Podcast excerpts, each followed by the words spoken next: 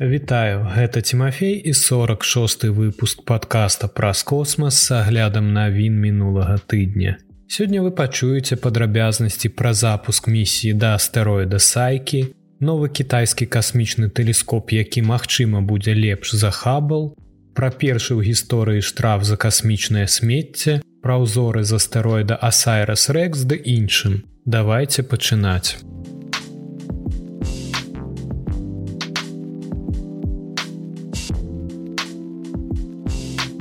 НАСА перанесла запуск місіі да астэроіда сайкі на 12 кастрычніка.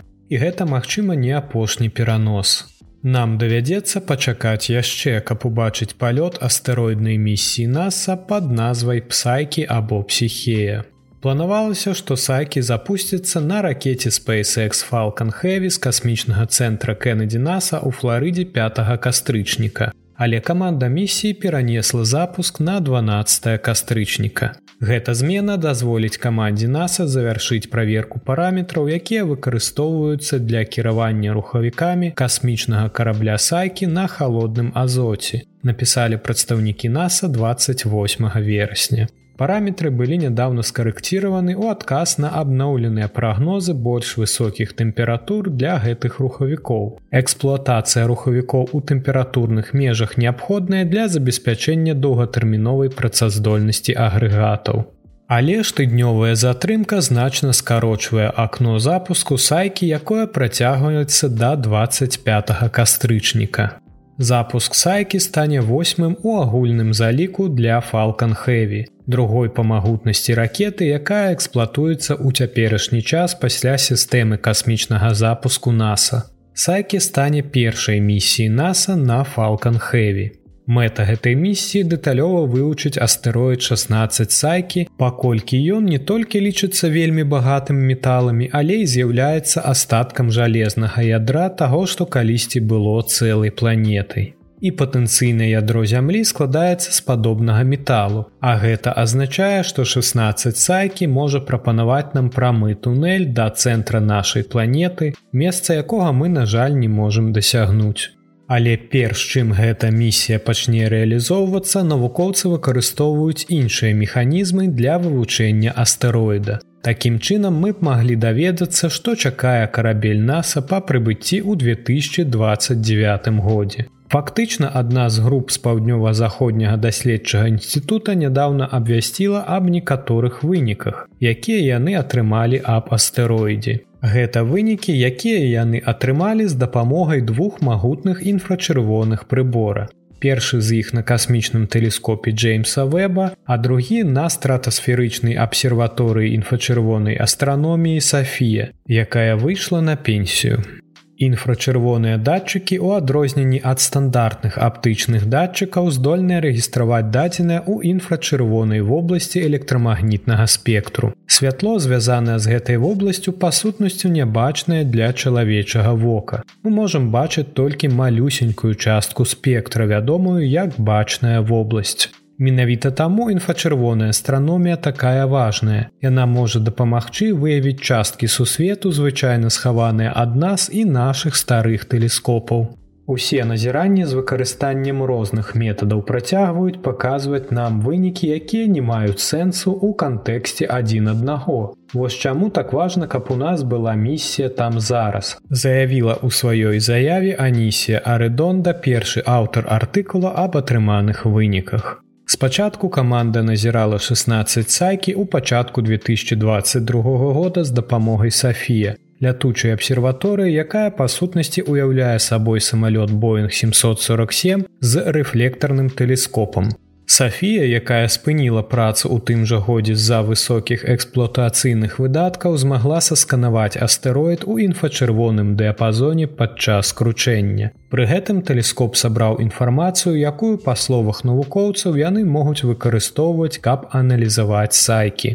Прычына, па якой каманда зразумела, што сайкі хутчэй за ўсё металічны заключаюцца ў тым, што ў спектральных дадзеных Сафія не было ніякіх усплескаў. Тэлескоп імя Джеймса Вэба з іншага боку можа дапамагчы камандзе вызначыць, ці існуе вада на астэроідзе. Назіранні ў дыяпазонах даўжынь хваль 3 і 6 мікрон магчыма пакажуць нам аб прысутнасці гідратацыі ў форме гідраксілу або сапраўднай вады, кажа Стэфані Джармак даследчыцца з навуковай групы. Але на дадзены момант навукоўцы не знайшлі прыкметы вады на сайке, што не дзіўна, улічваючы, што астэроід лічыцца пераважна металічным. Калі ўсё пойдзе па плане, касмічны карабель прыбудзе да касмічнай скалы сайкі шырынёй 280 кіламетраў, якая знаходзіцца ў галоўным поясе астэроідум паміж марсам і юпітерам у 2029 годзе. Карабель абсталяваны мультраспектральнай прыладай для здымкаў, якая можа фатаграфаваць астэроід у даўжыне хваль бачнага святла і блізкага інфачырвонага дыяпазону. У яго таксама ёсць гамма і нейтронны спектрометр, які можа дапамагчы выявіць хімічныя элементы, якія складаюць паверхню астэроіда. І магнітаметр, які будзе шукаць доказы існавання старажытнага магнітнага поля. Як я казаў раней, касмічны карабель выйдзе на арбіту астэроіда ў 2029 годзе. Карабель будзе круціцца і працаваць на розных вышынях або рэжымах. Яго першы рэжым арбіта A дазволіць касмічнаму караблю выйсці на арбіту даўжынёй 700 кіламетраў для вызначэння магнітнага поля і папярэдняга картаграфавання на працягу 56 дзён. Затым ён апусціцца на арбіту B, усталяваную на вышыні 290 кіламетраў на 76 дзён для тых жа мэт. Далей ён апусціцца на арбіту сі на вышыні 170 кіламетраў на 100 дзён для даследавання гравітацыі і магнітнага поля. Нарэшце арбітальны апарат выйдзе на арбіту дзе на вышыні 85 кіламетраў, каб вызначыць хімічны склад паверхні. Плануецца, што апарат прабудзе на арбіце астэроіда на працягу не менш за 21 месяц. Нам застаецца толькі чакаць запуску гэтай місіі. Буду рады бачыць вас у сацыяльных сетках падкаста, дзе я таксама дзялюся цікавымі навінамі і падзеямі, якія нас чакаюць. Не прапусціце гэты хвалюючы запуск і падпішыцеся на праз космос. Усе спасылкі ў апісанні.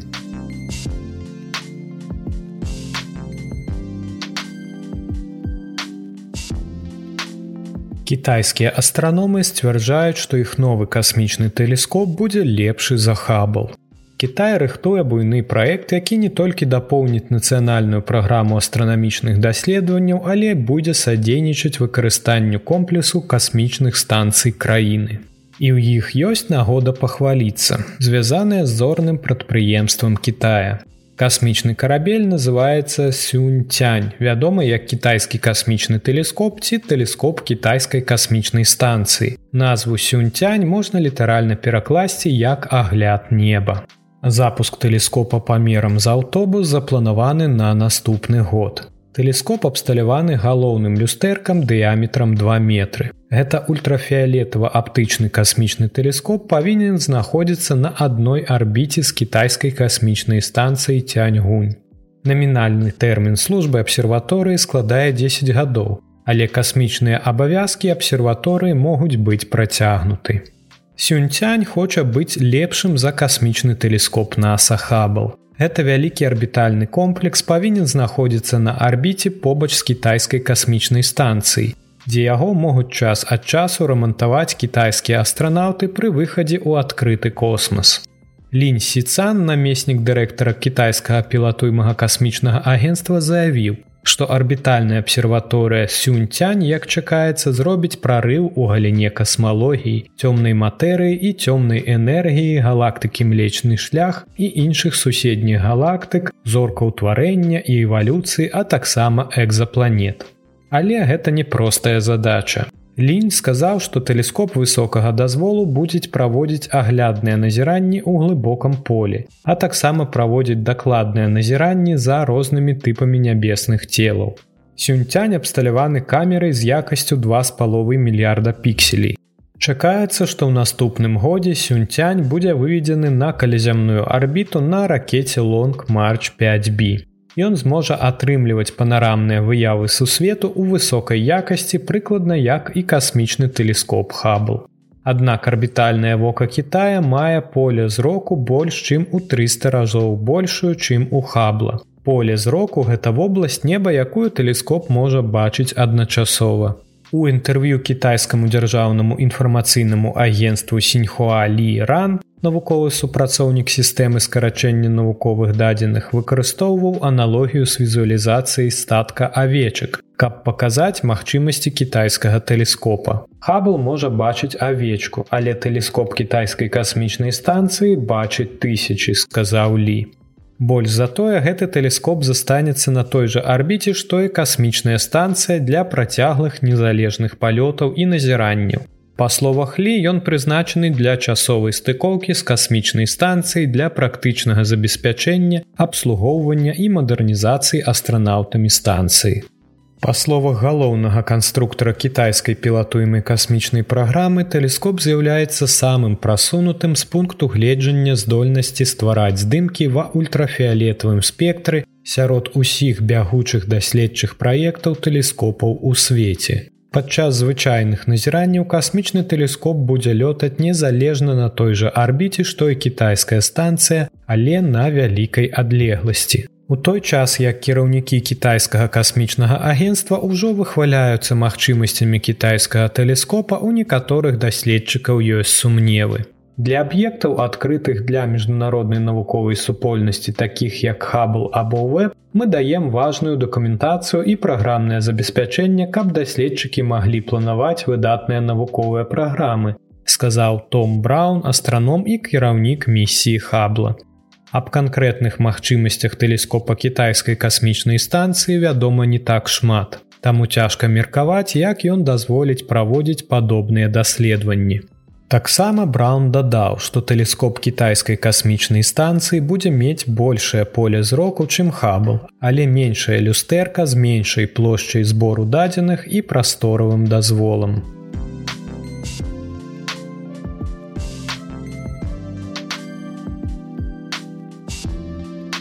Федэральная камісія па сувязі ЗША выпісала першы ў гісторыі штраф за касмічнае смецце. Федэральная камісія па сувязі аштрафавала правайдера спадарожнікагава тэлебачання дзіж на 150 тысяч долараў за небяспечны вывад з арбіты яго спадарожніка эхасад 7. Спадарожнік быў запущены ў 2002 годзе і першапачаткова дзіж мела намер вывесці касмічны карабель з арбіты ў траўні 2022 года. Аднак у спадарожніка скончылася паліва і ў кампаніі не засталося іншага выбару, акрамя як пакінуць спадарожнік на адлегласці 178 кіламетраў ад прызначанага для яго раёна пахавання. У гэтым рэгіёне спадарожнікі могуць заставацца над адной фіксаванай кропкай на зямлі. Няздольнасць утылізаваць спадарожнік па заканчэнні тэрміну яго эксплуатацыі з'яўляецца парушэннем закона аб сувязі федэральнай камісіі па сувязі гаворыцца ў заяве камісіі. Гэта такі першы выпадак, калі камісія прыняла меры па забеспячэнню выканання патрабаванняў па касмічным смецці, якая актывізавала свае намаганні ў галіне спадарожнікавай палітыкі.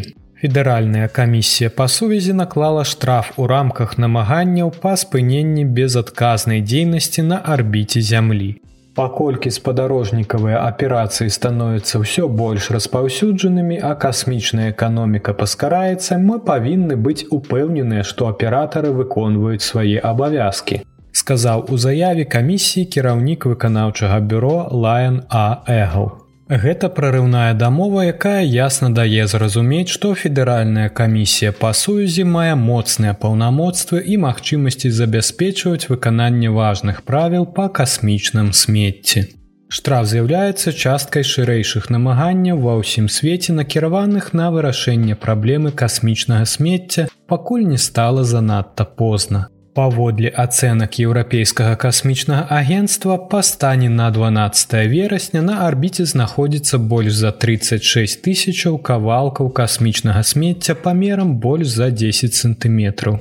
Акрамя гэтых кавалкаў колькасць спадарожнікаў на арбіце ўвогуле працягвае расці беспрэцэдэнтнымі тэмпамі. Толькі адна кампанія SpaceX плануе запусціць больш за 40 тысяч сваіх шырокапалосных інтэрнэт-спадарожнікаў Starлін у бліжэйшыя 10 гадоў. Іншы правайдер спадарожніка інтэрнэту OneWeb плануе пабудаваць 4000 спадарожнікаў. А праект Amazon прадугледжвае стварэнне групоўкі з 3200 такіх касмічных апаратаў. Еўрапейскі саюз плануе развіццё сваёй спадарожнікавай групоўкі Айрис, якую ён спадзяецца запусціць да 2027 года. А кітайскі праект спадарожнікавай сувязі Геованг будзе ўключаць у сябе 13 тысяч спадарожнікаў. І ўсе гэтыя спадарожнікі, калі іх не вывесці з арбіты бяспечна і належным чынам, створаць небяспечныя умовы ў прасторы, якая атачае нашу планету. Вось такі выпадак, А калі вы хочаце паслухаць больш дзіўных ды захапляльных гісторый сеціва, то я раю вам падкаст вось што я знайшоў у вікіпедыі. У гэтым падкасці улад стваральнік падкаста гаворыць з яго сябрамі пра ўсё крутое, што яны знайшлі ды праверылі ў інтэрнэце. Ад рэлігійных напрамкаў да эканамічных войнаў, ад канфліктаў у Афрыцы да беларускіх партыйных дзеячаў часоў БССР. Спасылка чакае вас у апісанні.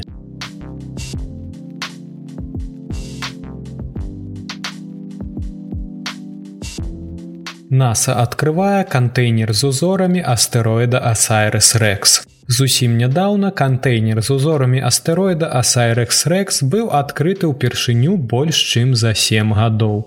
Навукоўцы з касмічнага цэнтра імя Джонсона NASA ў Х'юстані паднялі вонкавае вечка кантэйнера ў аўторак 26 верасня. Праз два дні пасля таго, як капсула Сайрес Рекс прызямлілася ў пустыні паўночнай юты.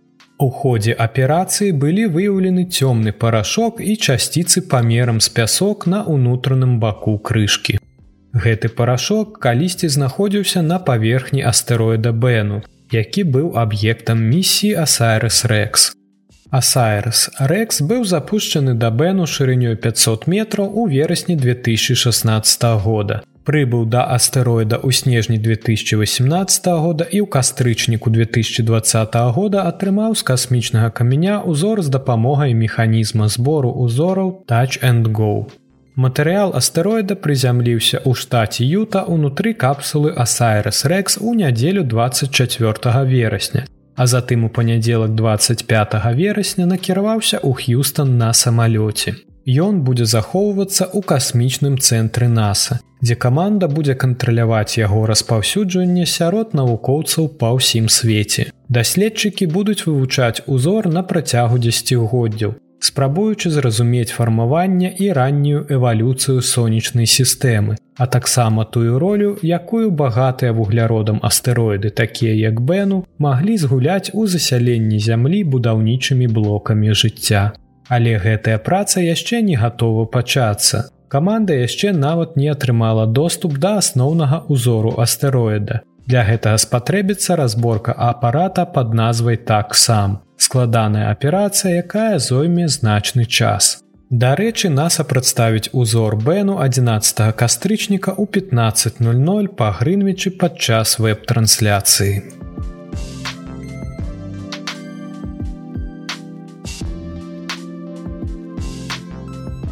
Гэта ўсе навіны, пра якія я хацеў распавесці вам у выпуску. Цяпер пагаворым аб падзеях наступных двух тыдняў. На наступным тыдні для маіх патронаў выйдзе відэо аб місіі Чандраян 3, у якім я раскажу пра місію і пра тыя адкрыцці, якія атрымалася зрабіць. На дадзены момант, на жаль, індыйская арганізацыя касмічных даследаванняў не апублікавала інфармацыі аб адкрыццях або выніках гэтай місіі але сёе тое ўсё ж вядома. Вы заўсёды можете далучыцца і падтрымаць мяне і тое, што я раблю за адзін кубак кавы ў месяц. У хуткім часе гэта відэо будзе даступна на Ютубе. Не забывайте подписываться. 10 кастрычніка асветлены на 18соткаў месяц будзе каля венеры. Абодва нябесных цела з'явяцца над гарызонтам каля чавёртай гадзіны раніцы па мясцовым часе і будуць бачныя ў бінокль або неўзброеным вокам. 15 кастрычніка месяц асветлены на 11 сотак сустрэнецца з марсам у сузорыі дзевы. За блізкасці да сонца абодвы аб'екты будуць знаходзіцца над гарызонтам у асноўным у дзённы час. Марс зойдзе ўсяго праз гадзіну пасля заходу. Таму у назіральнікаў будзе не так шмат часу, каб знайсці яго. Месяцовы дыск будзе небачны, бо на папярэдадні адбудзецца маладзік. 22 кастрычніка дасягне піка метэорны поток арыяніды. Гэта моцны метэорны поток. Ён актыўны з другога кастрычніка да сёмага лістапада. У пікавы дзень 22 кастрычніка сярэдняя колькасць метэораў складае каля 20 за гадзіну, што больш чым у любога іншага метэорнага потока ў кастрычніку ці лістападзе. Некаторыя з гэтых метэораў пакідаюць за сабой сляды з распаленых часціц. Гэтыя сляды бачныя ад некалькіх секунд да хвіліны і ўяўляюць сабой захапляльнае відовішча для зямных назіральнікаў. Лепш за ўсё назіраць рэяніды з другой гадзіны ночы па мясцовым часе. Дзякуй, што даслухалі да канца, а таксама дзякуй усім тым, хто падтрымлівае падкаст праз патрыён. Пачуемся праз два тыдні.